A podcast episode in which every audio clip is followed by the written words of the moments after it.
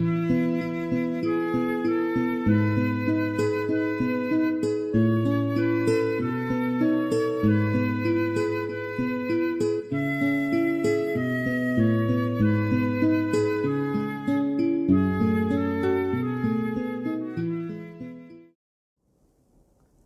wens je vrede en alle goeds. Welkom bij Fioretti, de tweewekelijkse podcast van Stadsklooster San Damiano. Vandaag verzorgd door broeder Ver.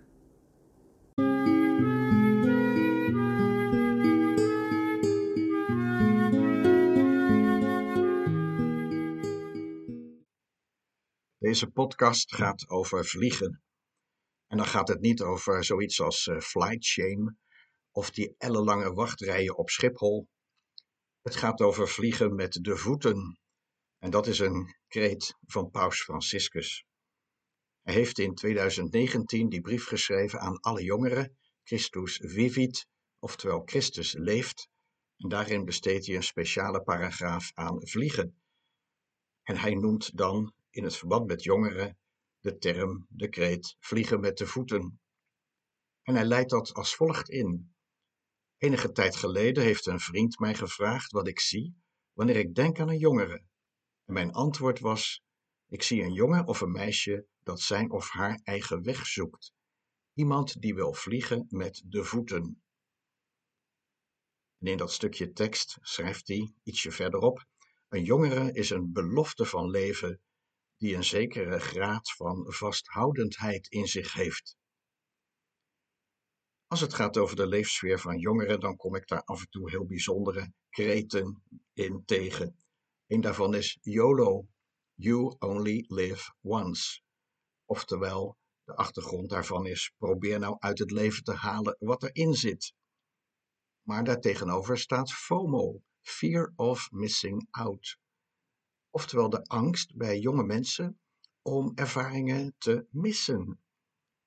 Hoe erg is het als je dingen mist?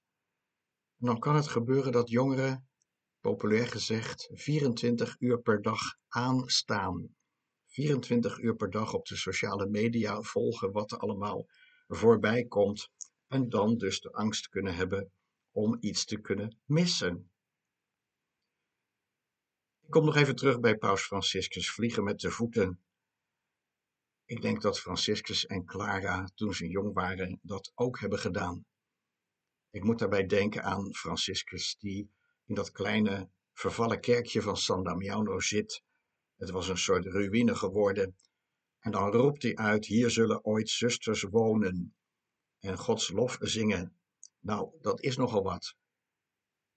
Hij werd ook in zijn tijd nogal voor gek verklaard in die eerste jaren van de omwenteling in zijn leven.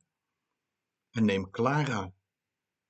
Haar familie had een gearrangeerd huwelijk voor haar bedacht en daar voelde ze helemaal niks voor. Dus op paaszondag ontvluchtte ze het ouderlijk huis, liet door Franciscus haar haar afknippen en begon een leven in armoede te leiden. Ongelooflijk hoe zo'n Franciscus en Clara wisten wat ze wilden, gingen vliegen met de voeten en merkte dat zij dragers waren van een belofte van leven. Maar dat is niet iets alleen maar voor zulke grote en bijzondere mensen als Franciscus en Clara. Ik denk ook even aan die jonge Bojan Slat, geboren in 1994, dus nu 28. Hij had een ocean cleaner bedacht in 2012. Ook hij werd voor gek verklaard dat hij met grote armen van een installatie heel veel afval op zee zou kunnen vangen.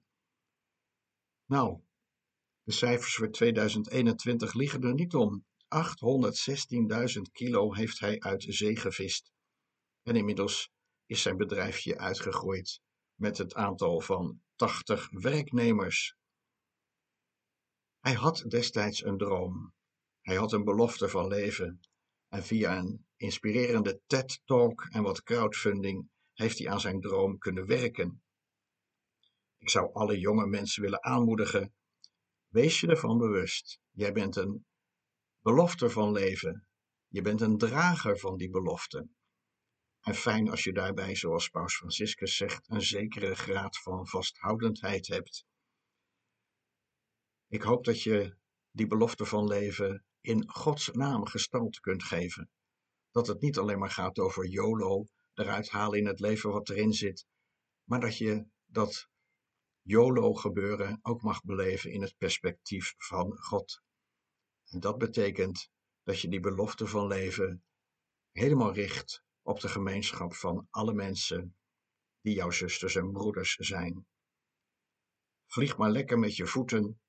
Hou vast aan wat jij denkt, aan jouw eigen intuïtie, over wat jij met je leven moet doen, hoe je dat gestalte wilt geven. Laat je oren niet te veel hangen naar wat de mensen zeggen en vinden, maar ga ervoor. Maak iets moois van je leven. Paus Franciscus staat achter je. Vrede en alle goeds.